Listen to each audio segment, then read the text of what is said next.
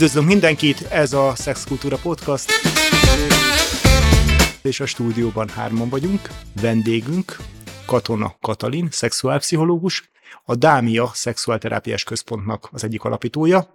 Úgyhogy ebből is kiderül, hogy adásunk a Dámia e, szexuálterápiás központ és a Szexkultúra Podcastnak az együttműködésével jött létre. Üdvözlünk ismételten itt a stúdióban, és arra gondoltunk, hogy vegyünk elő egy olyan témát, amiről már, amit már többször érintettük, azt gondolom, hogy egy kimeríthetetlen téma, de Néha megkaptuk kritikába, hogy orgazmusról beszélünk, a szexualitásról beszélünk, heteroszexuális kapcsolatokról beszélünk, és hogy férfiként beszélünk akár a női orgazmusról is. Úgyhogy a mai adásunk specifikus témája a női orgazmus, én benne mindig van egy kicsi kételj, hogy nagyon specifikusan beszélhetünk-e az orgazmusról, női vagy férfi orgazmusokról, de mindjárt meghallgatjuk a te véleményedet, vagy a te látásmódodat ezzel kapcsolatosan. Hogy mennyire van különbség ebben, hogyha így, így belecsapunk rögtön a közepében, hogy a férfiaknál a, a most tényleg nagyon leredukálva az orgazmushoz alapvetően a tesztoszteron kell, a nőknél meg még jó sok minden másfajta hormon is, és én azt gondolom, hogy, hogy az, az egy ilyen elfeledett dolog, és, és valahogy mindig, mindig elfelejtik ezt, hogy egyébként a, a legnagyobb erotikus szervünk az agyunk. Tehát, hogy onnét kell elindítani az ingerlést, azért is, mert ez a sokféle hormon, ami a nőknél a szexuális izgalmat elő tudja hozni, az, az gyakorlatilag az összes létező szexuális izgatójelnek a befogadásával kezd eltermelődni. Egyébként az orgazmus megélésében a különbségek is ugye, hogy, hogy hogy gyakorlatilag már így egész picikortól ezek hogy néznek ki, mennyire differenciálódnak a, a, a neveltetésből kifolyólag. Például, hogy szobatisztulásnál, a kisfiúknál ugye megmarad a nemi szerv és a kéz kapcsolata, a lányoknál ez nagyon gyorsan letiltódik, és gyakorlatilag egy ilyen minősíthetetlen, egy rossz viselkedésként apostrofálják a, a kislányoknál, hogyha megérintik a nemi szervüket. Aztán ugye, ahogy haladunk a nemi érésben, ugye a kisfiúknál mi történik, vagy hát nem is olyan kicsi fiúknál mi történik, hogy onnan tudják, hogy mondjuk úgy, hogy ők termékenyé váltak, hogy mondjuk álmukban lesz egy magömlésük, a lányoknak meg megjön a menstruációjuk. Hát a kettő élvezeti értékében ugye van különbség, és aztán ehhez kapcsolódik még, hogyha itt az, az örömérzetről beszélünk ugye továbbra is, hogy hogy mit gondolunk arról, hogyha, hogyha a férfiak maszturbálnak, vagy a kisfiúk, ugye, hogy hát most már egy bocsánat, hogy apja fia, és hogy ez, ez na az én fiam bezzek csinálja, a kislányoknál pedig ez, ez abszolút letiltódik, nem szabad, ilyet csupa-csupa rossz jelzővel társul, ilyet csak a rossz lányok csinálnak, és aztán ez megy tovább ugye gyakorlatilag azoknak az akár száz vagy több száz évvel ezelőtti hiedelmeknek az életben tartásáig, hogy egy nő élvezheti-e a szexuális mm. együttlétet. És ö, tényleg akár kiindulva mondjuk kedvencünk ugye a viktoriánus kor, ahol szó szerint sötétben lyukas lepedőn keresztül szexeltek, ö, mert hogy hát ezt aztán ez csak gyereknemzés és csak, csak ö, tényszerűen hajtsuk ezt végre. Aztán azt a történelemkönyvek elegánsan kihagyják, hogy egyébként a bordélyok akkor virágoztak a leginkább. Igen, hát hogyha, hogyha a lyukas lebedő mitosza az egy picit, picit vitatott is, de az biztos, hogy például nagyon sok társadalomban az, hogy levetkőzzön teljesen egy nő a szexhez, az, az, az szinte elképzelhetetlen volt, legalábbis, ami a házastársi viszonyt illeti. Igen, hát igény az mindig lett volna rá, ugye, hogy, hogy egy kicsit nyíltabban kezeljük a testiséget, és ennek egyébként a hátulütőit a mai napig látjuk, én személy szerint is akár a rendelőben, bár most egy picit távolabbról indítjuk úgy az orgazmus, de, de ezt azért úgy kell elképzelni, hogy a mai napig vannak fiatal, 20 éves lányok, egyetemisták, szépek, kedvesek, okosak, értelmesek, tájékozottak, de hogy ők meg nem néznék véletlenül sem a nemi szervüket, van, aki még mondjuk úgy, hogy életében nem látta, az, hogy megérintse, az pedig külön tabusítva van. Egyszerűen nincs neve a női nemi szervnek. Van, akivel hónapok óta dolgozok úgy együtt, hogy ott lent ez a megnevezése a női nemi szervnek. Egyébként ugye ez is milyen érdekes, lehet, hogy ti erről még többet is tudtok, hogy hogyan nevezzük a nemi szerveinket. Érdekes módon a férfiaknak nincs ahhoz hasonló szava, mint a nőknek a csúnyája. Ami egy nagyon pejoratív, nagyon, nagyon rossz érzéseket, nagyon bűnös érzéseket közvetítő szó gyakorlatilag.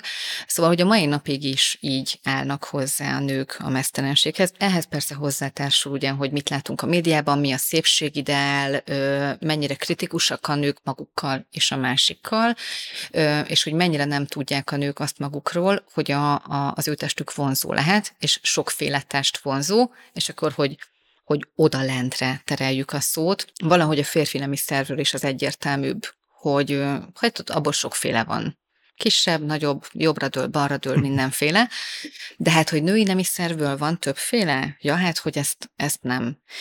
Öm, és hogy ez miért fontos? Mert hogy ki fogja jól megérni a szexet, nem csak az, aki az egész testével egyébként békében van, elégedett vele, karban tartja, persze fel, felelősen gondolkodik az egészségéről, hanem nyilván aki a nemi szervét is tudja szeretni, aki úgy tud rá gondolni, hogy, hogy ez egy vonzó az egy vonzó testrész.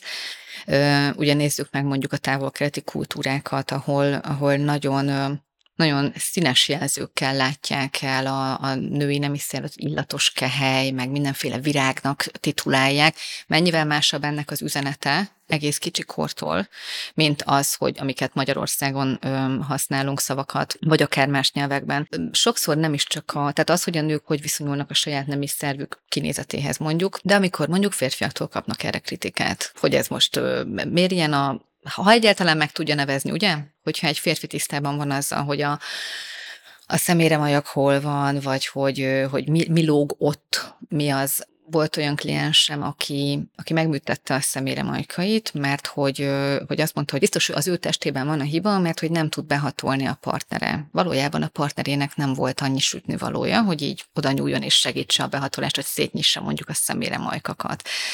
Azért ezt képzeljük el, hogy nők így indulnak neki a szexualitásnak. És hát azért érdemes elmondani, hogyha valaki így a barátkozik a saját nemi szervével, hogy hát, hogy rengeteg félre lehet, és nem szimmetrikus, és nem, pont, nem, pont, nem feltétlenül úgy néz ki az egyik oldala, mint a másik oldala, hogy lehetnek nagyon nagy méretbeli különbségek különböző részekben, és hogy hát nagyon sokféleképpen lehet az tökéletesen működő. Így van, ez, ez nincs így benne a köztudatban. Egy picit itt is ugye akár a, a hogy az örök adóázt behozzuk a pornófilmek hatása megjelenik, hiszen a, a pornóban nagyon sok az ilyen szupernormális inger, minden nagyon szép, nagyon nagy, nagyon meg van világítva, nagyon ki van sminkelve, akár a nemi szervek is egyébként, ugye ezt azért ne felejtsük el, hogy, hogy egy, egy minőségi filmben egyébként erre is figyelnek.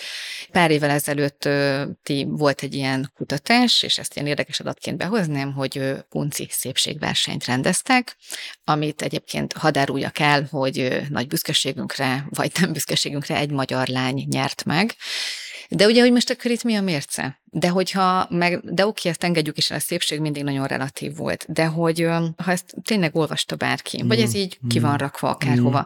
és az ember elkezdi magát hasonlítgatni, hiszen ha hasonlítom az orromat, a kezemet, mm. a, a hassam formáját másokéhoz, akkor miért pont a nemi szervemmel ne tenném ezt meg, és ez elképesztő szorongást generál, hogy az enyém nem úgy néz ki, hogy... Az egyik szemére majkom nagyobb, mint a másik. Igen, igen, vagy akár, hogy, hogy, hogy maga, nem tudom, mondjuk a, a Vénusz domb mekkora, hogy most ő le akarja borotválni, vagy nem, és, és hogy ez így rengeteg kellemetlenséget szül, és hogy nyilván mert valaki ugye így, így szorongva, hogy ő nem szép, ő Valaki nem ki akarja fehérítetni mondjuk, vagy világosítani, mert hogy túlságosan sötét ott. Atyavilág, hát erről nem hallottam, Na, de ilyen, most már... is vannak, igen.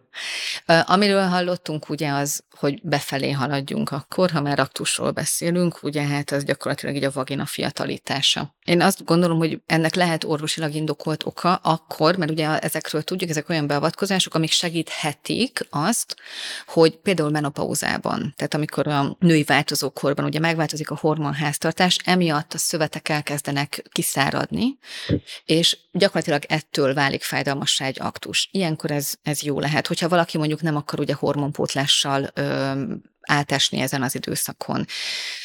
Vagy lehetséges mondjuk egy szülés utáni rekonstrukció, hogyha ez tényleg fájdalommal jár, kellemetlen, nem élvezetes az együttlét.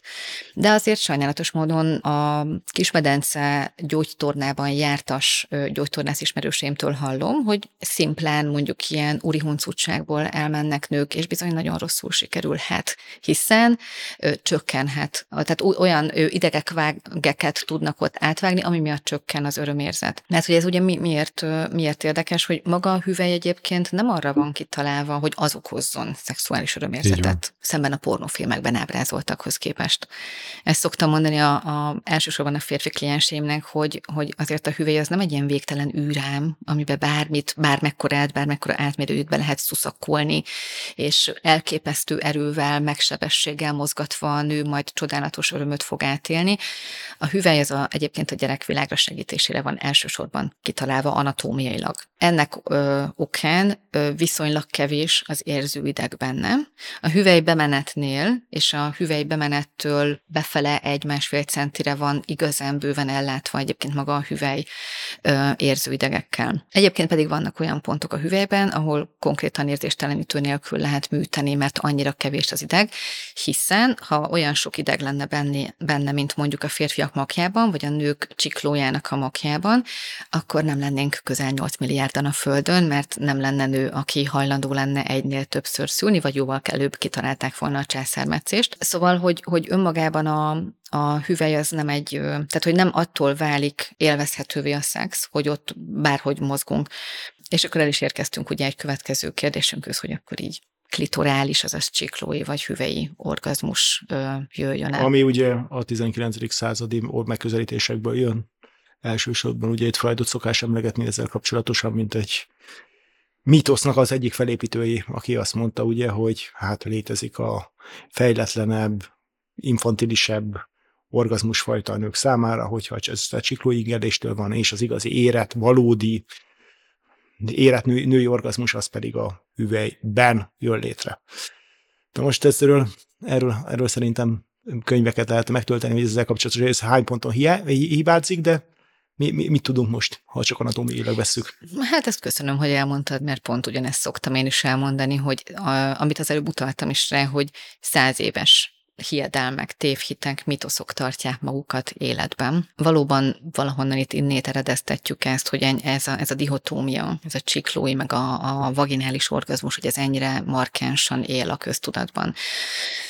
Hát amit erről tudni kell, egyrészt, hogy Freud még valószínűleg nem rendelkezett olyan anatómiai ismeretekkel, mint amik nekünk ma már rendelkezésünkre állnak, Ö, és ma már tudjuk azt, hogy a csiklónak nem csak kifelé van ugye ez a fizikálisan jól felismerhető és nagyon jól ingerelhető része, hanem vannak ö, ilyen kis belső szárai, amik a hüvelynek a hasfal felüli részén helyezkednek el, és szexuális izgalom hatására ezek megduzzadnak ugyanúgy, mint mondjuk a csiklónak a külső része. Nyilván a csikló erektálása sem olyan, tehát a csiklói merevedés sem olyan látványos, mint a férfiaknál, de azért, hogyha a partner érzékeny és tapasztalt, akkor észre tudja venni, hogy ott is létrejön, hogy ez a nő izgalomba jött. Igen, és ezért is fontos elmondani, hogy itt is a méretében, a csiklónak a méretében hatalmas különbségek vannak Abszolút. nő és nő között is. Barlangos testek méretében is óriási különbségek vannak, hiszen amiről Kati beszélt, azok alapvetően és legjobban láthatóan a hüvelybemenet környékén helyezkednek el, és az erektált állapot az egy megduzzadt bőrfelületet fog eredményezni. De hogy nagyon sokfajta normális és teljesen jó,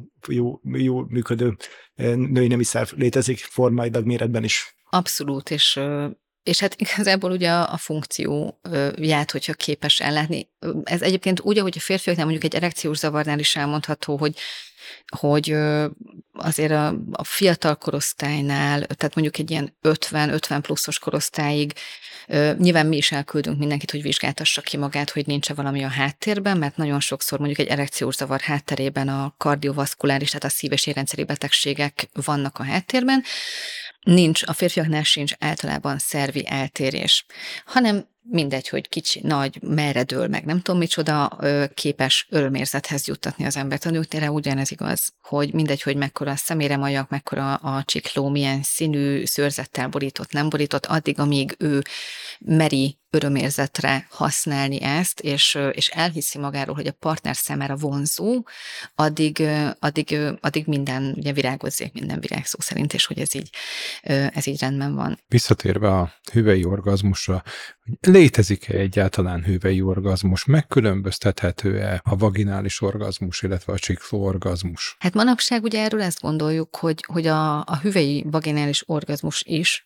valójában a csikló belső szárainak az ingerlésével Igen, abból a szempontból létezhet, hogyha nagyon strukturálisan veszük, vagy mechanikailag veszük, hogy igen, tehát ugyanúgy, ugyanúgy hibás, le, hogy hibás, hibás lenne ugyanúgy átesni a másik oldalára, és azt mondani, hogy az, mert hogy, mert hogy vannak emberek, akik meg, akik meg ezt nem tapasztalják meg, hogy az egy képtelenség, hogy kizárólag egy közösülés, egy vaginális közösülés orgazmust tudjon okozni nőknek, mert hogy vannak ilyenek, akik azt mondják, hogy nem ott is, tehát a csikló érintése nélkül, vagy dörzsölődés nélkül, nincs, a külső része nélkül, nem valóban, mint a, mint a kettő létezik, csak hát ugye azt mondjuk, hogy anatómiailag ugyanaz a ugyanaz a szerv ingerlődik, vagy kap megfelelő ingereket más módon, vagy más irányból, vagy más, más, más, más, intenzitással. Más intenzitással, vagy más mechanizmussal. Igen, igen. Hát gyakorlatilag máshonnit ingerlődik igen. ugyanaz igen. a szerv. És akkor itt jön be az, amit a, az előbb már így elkezdtünk beszélni róla, hogy hogy miért kell az előjáték, meg hogy, hogy hogy is néz ez ki, hogy a, a hormonális hatás az arra is jó, hogy nem csak, tehát a nők, nőknek nem, a, nem az az egyetlen szexuális izgalmi jele, hogy beindul a hüvei nedvesedés, hanem a hormonális hatásra gyakorlatilag a, ugye egy vérbőség keletkezik, szinte az egész testbőr felülete is ingerelhetőbbé válik, a csípő övre pedig ez kifejezetten jellemzővé válik, sokkal érzékenyebb az ingerlésre, az érintésre, mindegy, hogy ez melyik testrészsel történik meg. Megduzzadnak a, a nagy ajkak, ugye, ahogy mondtad is, hogy maga a hüvely bemenet is sokkal érzékenyebbé válik, és a hüvelyszövetek, fogalmazunk úgy, hogy ugye a hormonális hatás, mivel ö, ahogy az erek elkezdenek szűkülni, folyadékot préselnek ki magukból, vagy hát a környező szövetekből, ez még inkább fokozza ugye a nőknél a hüvei nedvesedést, és a, a szövetek mondjuk hogy egy picit lazulnak, most ezt ilyen nagyon egyszerűen megfogalmazva, és a, a méh és annak függelékei megemelkednek, ugyanis az átlag hüvely, az az átlag pénisz hosszával egyforma hosszúságú, és hogyha a, a pénisz eléri a méh szájat, akkor az egy nagyon kellemetlen, nagyon fájdalmas dolog.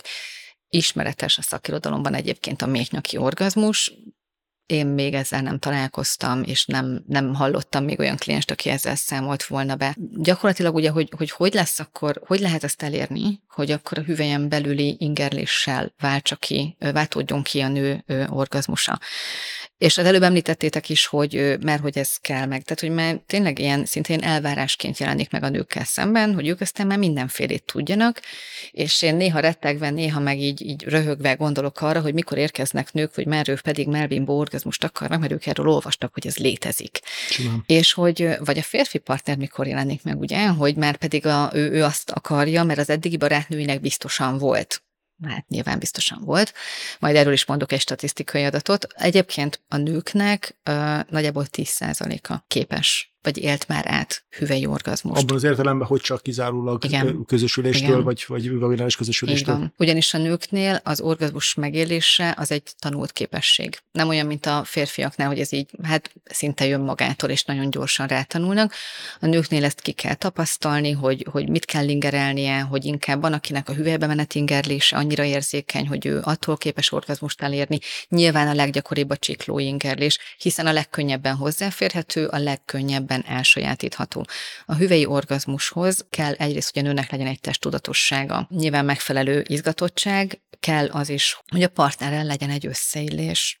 És akkor itt most értsünk ez alatt mindent, hogy akár a pénisz formája, akár a mérete, mert mondjuk egy, egy extrém, egy nagyobb méretű pénisszel nyilván nem szívesen veszi a nő mondjuk, hogyha kontrollálatlanul mozog a partner esetleg, vagy ő nem tud olyan komfortosan mozogni a partner testén, vagy hogyha túl kicsi, ugye, és nem éri el a, ezt a pontot a, a pénisz, hogy, hogy megtalálják azt a pozíciót, ahol a legjobban ingerelhetővé válik gyakorlatilag, és hát nyilván ez egy anatómiai sajátosság is. Tehát, hogy aki ezt nem élte még meg, azért ez ne dőljön a kardjába, mert hogy az, hogy ez milyen magasan helyezkedik el, merre fele hajlik, tehát ezek, ezekre egyszerűen nincsen ráhatásunk, és én azt szoktam mondani férfiaknak, amikor a női orgazmusról, szexualitásról edukálom őket, és a nőknek is, hogy, hogy örüljünk annak, és tényleg nagyon, nagyon vegyük komolyan azt, hogy, hogy neki ő képes egyáltalán az örömérzetre. Mindegy, hogy melyik testrészének az ingerlésével, hogy képes a szexualitást örömként, boldogságként felfogni. Igen, és hát hogyha ezeket a részeket, ha egyáltalán most azokról a emberekről beszélünk, akik már megtapasztalták azt, hogy valamilyen módon ők biztosan el tudnak jutni az orgazmushoz, akkor onnantól lehet nagyon nyugodtan, lazán, bele engedve magát az embernek újabb felfedezéseket tenni. De, de akkor, akkor legalább azt lehet mondani, hogy igen, ott van, ez, abba biztos, az már biztosan megvan, ahhoz, ahhoz, azt tudom, tudom azt a módszert, és akkor lehet igazából felfedezés venni. Ami biztos, hogy nem fog orgazmushoz vezetni, az a teljesítménykényszer, hogy miért nem élvezel el így, vagy úgy kéne elélveznie, vagy egy jól működő ember az így működik, ez, ez szinte száz százalék, hogy, hogy ebbe a kényszerbe senki nem fog, nem fog tudni jól bele helyezkedni. Igen, a itt két dologra reagálnék, a teljesítménykényszerre, meg, meg a maszturbációra. Uh-huh. Mert azért ez tényleg egy ilyen alapvetés, hogy, hogy hogy mondjam el a partneremnek, hogy, hogy mi számomra a kellemes, mi a jó leső, hogyha én magam még nem tapasztaltam uh-huh. ki. Egyébként azok a nők, akik gyakrabban élnek át orgazmust a többiekhez képest, rájuk azért jellemzőek ezek. Például, hogy a saját test ismerete, hogy hajlandó maszturbálni, azért nagyon-nagyon sok női kliensemnél is előfordul az, hogy nem hajlandó megérinteni magát. Jellemző, hogy mondjuk egy aktus során akár többféleképpen stimulálják, akár konkrétan a nemi szervet, de az egész testet is, hogy a partnerrel van egy van egy mondjuk így, hogy egy asszertív kommunikáció arról, hogy ki mire vágyik. És ez tényleg egy ilyen kölcsönösségen alapuló dolog, hogy elmerem mondani, hogy mit szeretnék, és megbeszéljük, hogy ez a másiknak befogadható, most foglalkozunk ezzel, egy időre zárjuk ki a szexualitásunkból, vagy soha ne kerüljön ez elő témaként, kiben milyen érzéseket kelt, és ugye itt mindig az előjátékra vissza-visszatérünk, de hogy ezt emeljük ki, hogy, hogy az előjáték, meg az, hogy mennyi idő kell a nőnek, mondjuk, hogy szexuálisan bemelegedjen, az nem, nem csak a, a levetköztünk, és elkezdjük egymást direktbe ingerelni helyzet, hanem, ugye ez a, a kedvenc mondatom, hogy a legnagyobb erotikus szervünk az agyunk, a, a, a teljes izgalomba hozatal. Tehát akik napközben esetleg ö, ilyen kis szexcseteket nyomnak. Nyilván azt, ami a mindkét fél számára befogadható, ezt nem győzzük kihangsúlyozni. Ö, hogyha esetleg küldenek erotikus fotót egymásnak, ha, ha megdicsérik egymást, és ez nem csak azt jelenti, hogy na ez jó volt, hanem azt is, hogy el tudja mondani, hogy az aktus során ez és ez nekem izgató volt, kellemes volt, megmeri akár azt is fogalmazni, hogy mi volt túl sok, és erre egy reakciót. Egyébként ez mindkét fél számára fontos. Igen, vagy akár jó dicséretet ad, megfelelő testőszapos dicséretet kap olyan részekre, vagy olyan, olyan történésekre, vagy akár akár testi tulajdonságokra, vagy egyebekre, ami magabiztosabbá teszi. És nyilván van ember, aki számára ugyanaz a, ugyanaz a bók kifejezetten bántó, vagy, vagy, vagy, vagy, vagy sértő lehet, ami más számára meg a legnagyobb, legnagyobb örömet okozza. Tehát, hogy ezek, hogy ezek testre szabottan és másik ismeretében lehetnek értelmezhetőek ezek a dolgok. Abszolút, és olyan szempontból is igaz ez, hogy persze fontos, hogy ismerjük a saját testünket, vagy hogy legyen valamilyen tapasztalatunk, mindegy, hogy hány partnerrel volt egyébként, de hogy én nagyon sokszor szoktam ezt is elmondani, hogy a, a szex az egy folyamatos újratanulás az nincs olyan, hogy, hogy minden partnerrel ugyanaz lesz, vagy akár ugyanazzal a partnerrel, az életciklusok váltásával, az, életkorunk előre haladtával, hogy milyen életesemények vannak körülöttünk, ehhez mindig igazodunk.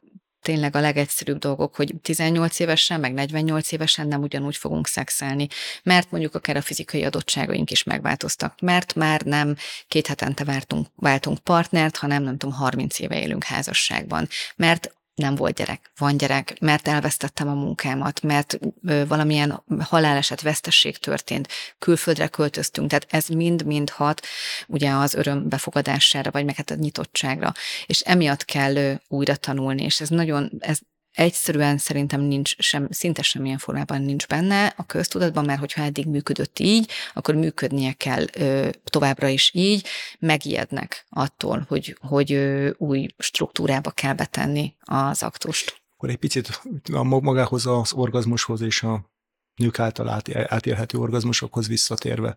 Ugye beszéltünk ugye itt a klasszikusabb ágyék vagy lágyék kör, környéki dolgokkal, itt a csiklóról, a, a hüvelyről, és mit tudunk a többi olyan orgazmus típusról, ami, amikre egyesek így olyan kicsit már a mitoszok világába sorolnak, mások meg azt mondják, hogy ezek teljesen valós dolgok. Egyet említettél itt például a melbi, vagy a mell, vagy a mellingerlésével kapcsolatosan. Ezek hol vannak? Hogy vannak? Hogy jönnek létre? Hát Létez, tudjuk, létez. hogy léteznek, igen. Ö, ugye a, ami még elő szokott fordulni nőknél, az a, az, az anális orgazmus. Igen, erről most éppen, éppen legutóbb volt egy adásunk a anális szexről, azt ugye tudjuk a, az anális szexről, hogy ott nincsenek a, ugye, ott egy dupla zárógyűrű van, ezek tudatosan nem ellazítható záróizmok, emiatt kifejezett körültekintéssel kell az anális behatolást csinálni, és minden aktusra igaz, de az anális szexre különösen, hogy csak közös megegyezéssel Persze. jöhet létre ilyesmi a megfelelő előkészítést követően. A, az anális szex orgazmikus hatásáról azt tudjuk, hogy valószínű ott is a csikló belső szárainak az ingerlésével történik, vagy élhető át orgazmus.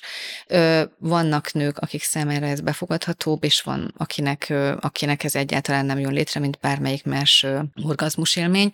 A melbimbó ingerlésnél ugye Hát azt tudom példaként hozni, ugye, amikor szülés előtt kifejezett, ajánlják vagy nem ajánlják ugye várandóság alatt, hogy felszokták hívni arra a, még a kisterheseknek a figyelmét, hogy a melbimbó ingerlését kerüljék, mert oxitocin termelődik a melbimbó ingerlésére. A terhesség vége felé közeledve pedig szokták javasolni, hogy tessék akkor, akkor megsimogatni, mert ö, oxitocin termelődik, ami még összehúzódást okoz, és az oxitocin nagyon sok mindenért felel. Többek közt egyébként a a sokat emlegetett hormonok, ugye, hogy az oxitocin tud, tudja úgy ellazítani a testet, hogy az orgazmus élmény az minél könnyebben elérhető legyen. Úgyhogy a Melvin ingerléséről nagyjából ezt. Itt hadd említsek még meg egy rendelőben megfordult esetet, amikor is a fiatalember teljes mászélességgel állította nekem, hogy létezik a torok orgazmus nőknél, mert hogy hát, hogy már miért más, másért létezhetne az ugye, hogy akkor a pornófilmekben a nők ott, a, a, hogyha a nő adja az orális szexet, akkor, akkor azt annyira élvezi, és hát ki kellett ábrándítanom, hogy erre nézve kutatásokat én nem nagyon ismerek, valahol kizártnak is tartom, de ha van róla más információtok, akkor szívesen meghallgatom. Én azt gondolom, és nyilván szexuálitással kapcsolatos irodalomban, meg egyebekből, hogy hogy említetted, ugye a legnagyobb nemi szerv az, az emberi agy. És azt, gondol, azt gondolom, legalábbis amit, amit ebből, ebből összegyűjthető, hogy itt azért nagyon sok minden féle inger tud az ember számára gyönyört okozni. Magyarán az a tudat, az az érzet, és akinek számára egy tenyér simogatás megfelelő módokon, akár orgazmikus állapotokat lehet, nem elképzelhetetlen, ugyanúgy, ahogy az anális szexként sem feltétlenül csak a csikló kapcsolódhat be, és a férfinél sem feltétlenül a prostatának az ingerlése okozhat gyönyörérzetet. Maga az állapot, maga az inger, maga a tudat is be tud kapcsolni, vagy összekapcsolódhat azért gyönyörérzetekkel. Igen, azért... Akár, tehát, tehát, tehát hogy, hogy, itt, hogy itt nagyon sok mindenfajta dolog lehet. Ilyen alapon én például nem tartom személyesen kizártnak azt, hogy vannak emberek, akik gyönyörként élhetnék meg akár egy egy, a, egy az a része addig rendben van, hogyha, tehát hogy, hogy örömöt adni a másiknak, ez egy nagyon fontos emberi képességünk, hogy képesek vagyunk azt is élvezni, hogyha nem, nem csak én élvezem, hanem a másiknak, másiknak tőlem jó. Itt a fiatalember mondjuk kifejezetten a mély torkozás technikájára gondolt, ami mondjuk így azt gondolom, hogy nőként ez egy kevésbé ö, felszabadító élmény, tehát hogy ott azért, a, a, ha valaki látott már ö, ilyen filmet, akkor legalább minimum filmben ezt látták, akkor, akkor azért ott látszódik, hogy nyilván ismerjük az anatómiát, légzőszervek mi egymásot hogy helyezkedik el, ö, én, én azt gondolom, hogy ezért szerencsésebb, hogyha ha a férfiaknak és a fiatal fiúknak is elmondjuk, hogy azért, amit a filmekben látnak, az nem valóság. Nagyon gyorsan megértjük, ugye, hogy, hogy nem kell a helikopteren félkézen lógva elvágtatni a lementő, lemenő napfényébe és megmenteni a félvilágot, mert az egy film, de valahogy a pornónál ez nem kapcsol be és nagyon komoly elvárásokat, tévhiteket fogalmaz meg mindkét oldalról. Ha már a női orgazmusról van szó, akkor például akár így is, hogy, hogy lányokban kell szorongást, hogy az én orgazmusom nem olyan, mint a filmben. Uh-huh. Mert hát ott sikítoznak, vonaglanak, karmolják magukat, és sokszor van nekik, sőt, folyamatosan van nekik. Uh-huh.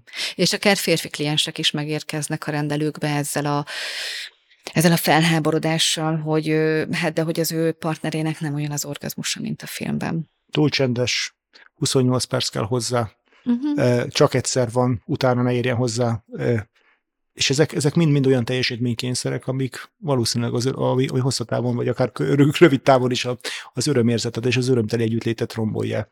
És hát itt önmagában az, hogy szinte ilyen katalógusszerűen gondolkoznak a szexről, hogy akkor a teljes repertoárt is azonnal, és mindent kell hozni, amit akár a filmekben, akár az olva, olvasmányaikban benne vannak. Szerintem itt tud nagyon romboló lenni a történet. Azzal együtt is egyébként, hogy olvasva, beszélve, tanulva ezekről a témákról, akár megszülethetnek dolgok, hogy egyébként lehetséges, hogy így is jó lehet. De ez akkor lehet jó, hogyha mindenketten szeretnék. Így van, és a, a teljesítménykényszer az előbb kimarad, de akkor itt ezt behoznám, hogy ö, ugye gyakorlatilag a, onnantól, hogy a nők már átélhettek orgazmust, mert hogy azért ez sokáig tiltva volt, meg, meg nem volt rendben lévő dolog, ugye azért itt még voltak zsinatok, ahol arról tárgyaltak, hogy a nőnek egyáltalán van-e lelke.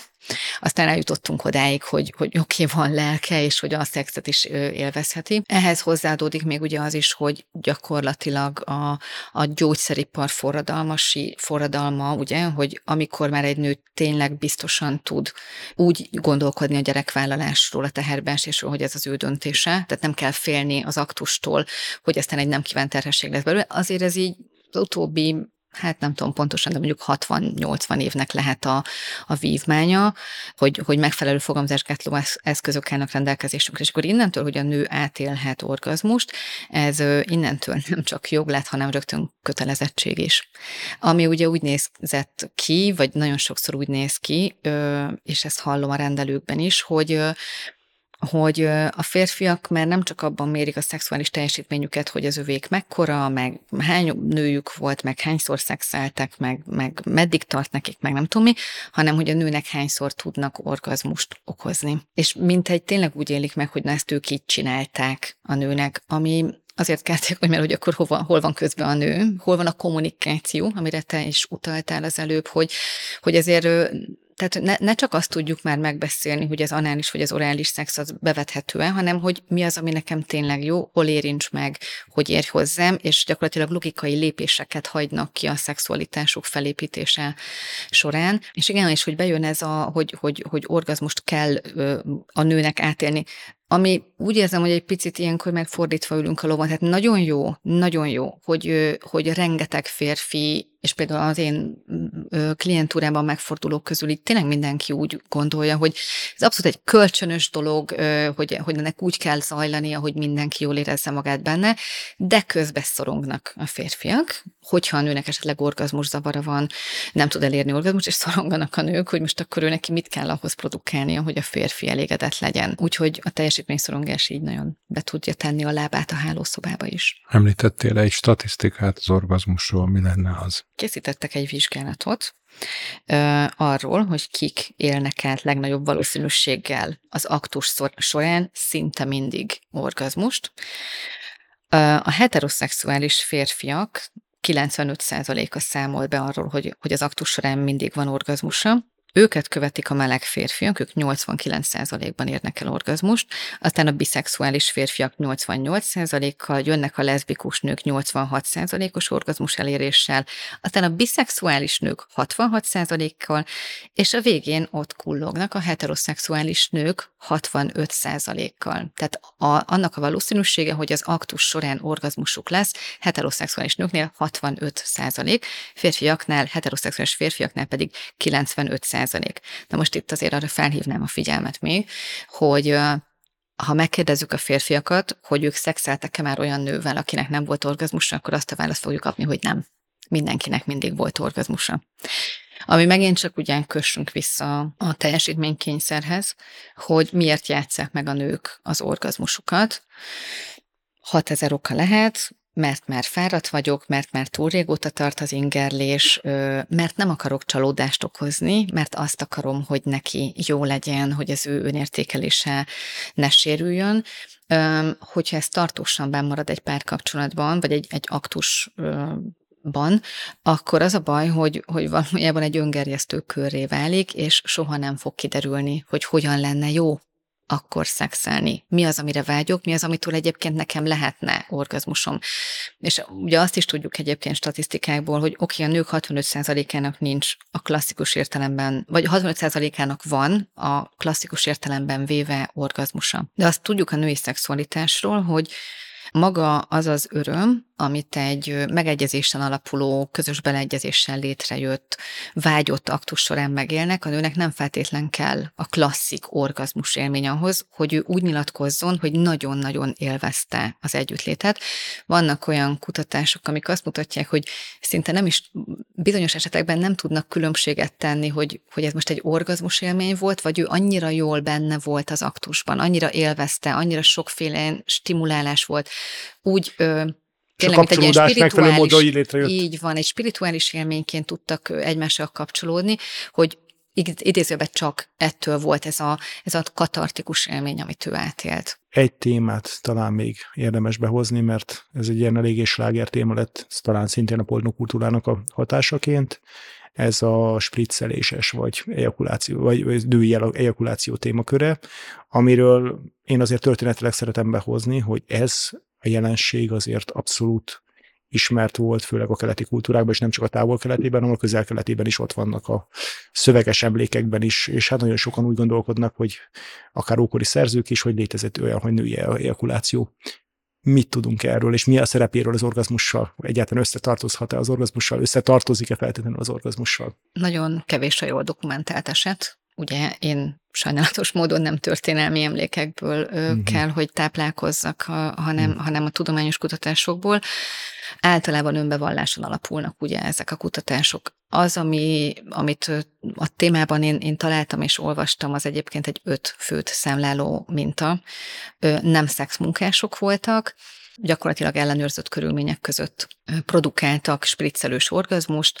Ismeretlen az anatómiája egyébként. Annyival vitt közelebb minket ez a kutatás a dologhoz, hogy azt sikerült megállapítani, hogy, hogy a hólyagból ürül ki folyadék egyébként.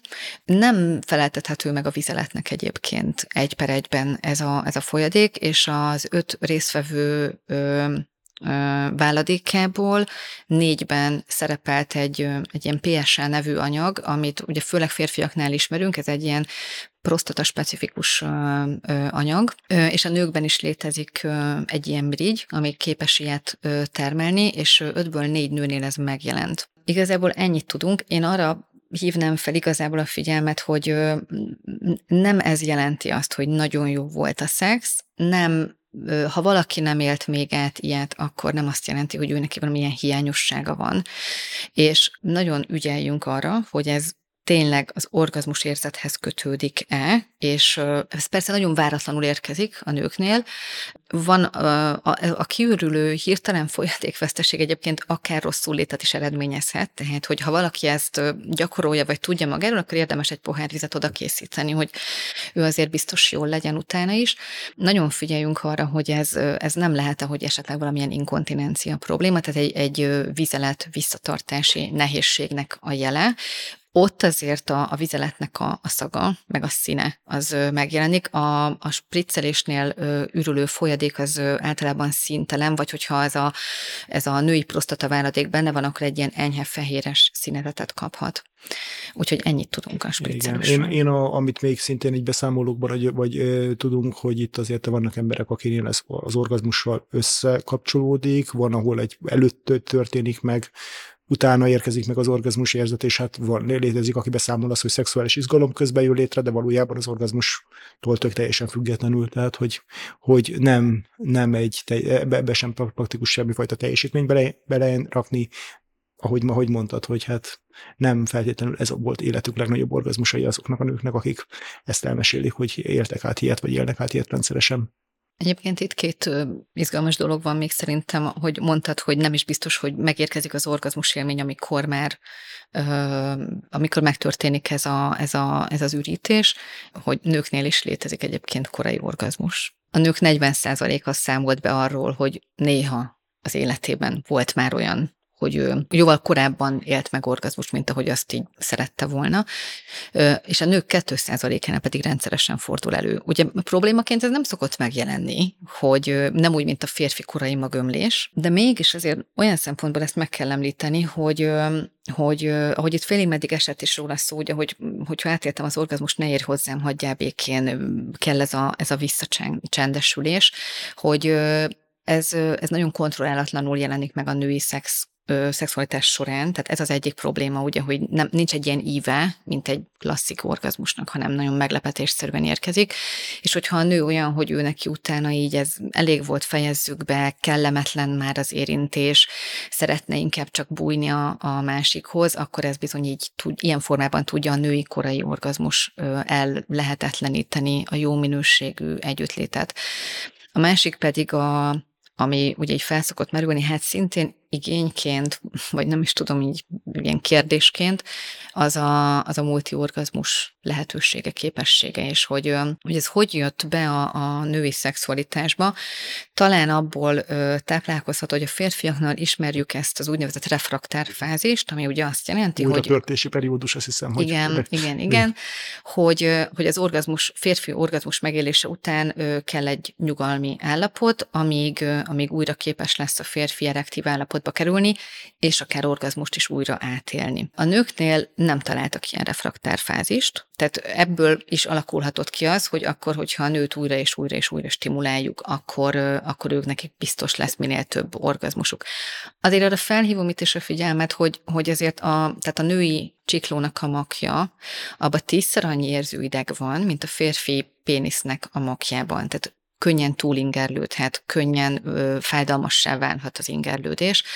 Úgyhogy ö, ezzel is akkor kísérletezzünk, hogyha a női partner erre befogadó, illetve hogy, hogy a multiorgazmus kinél mit jelent. Van, akinél azt jelenti, hogy egy viszonylag rövid időn belül sok pici orgazmusa van, és van, akinél ez azt jelenti, hogy mondjuk időben egy ilyen nagyon elnyújtott, tehát nem másodpercekig, vagy tíz másodpercekig, hanem akár percekig tartó ö, ilyen extatikus élményt él meg. Szerintem ez végszónak is nagyon jó, bár azt hiszem, hogy itt azért kimeríthetetlen témáról beszéltünk.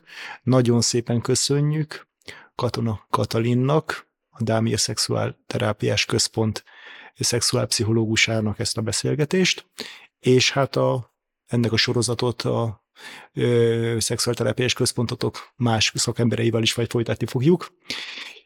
Köszönjük szépen, ez volt a mai Szexkultúra Podcast, és hogyha kérdésetek, véleményetek, esetleg témaötletetek lenne, akkor keressetek minket Instagramon, Facebookon, vagy pedig e-mailben.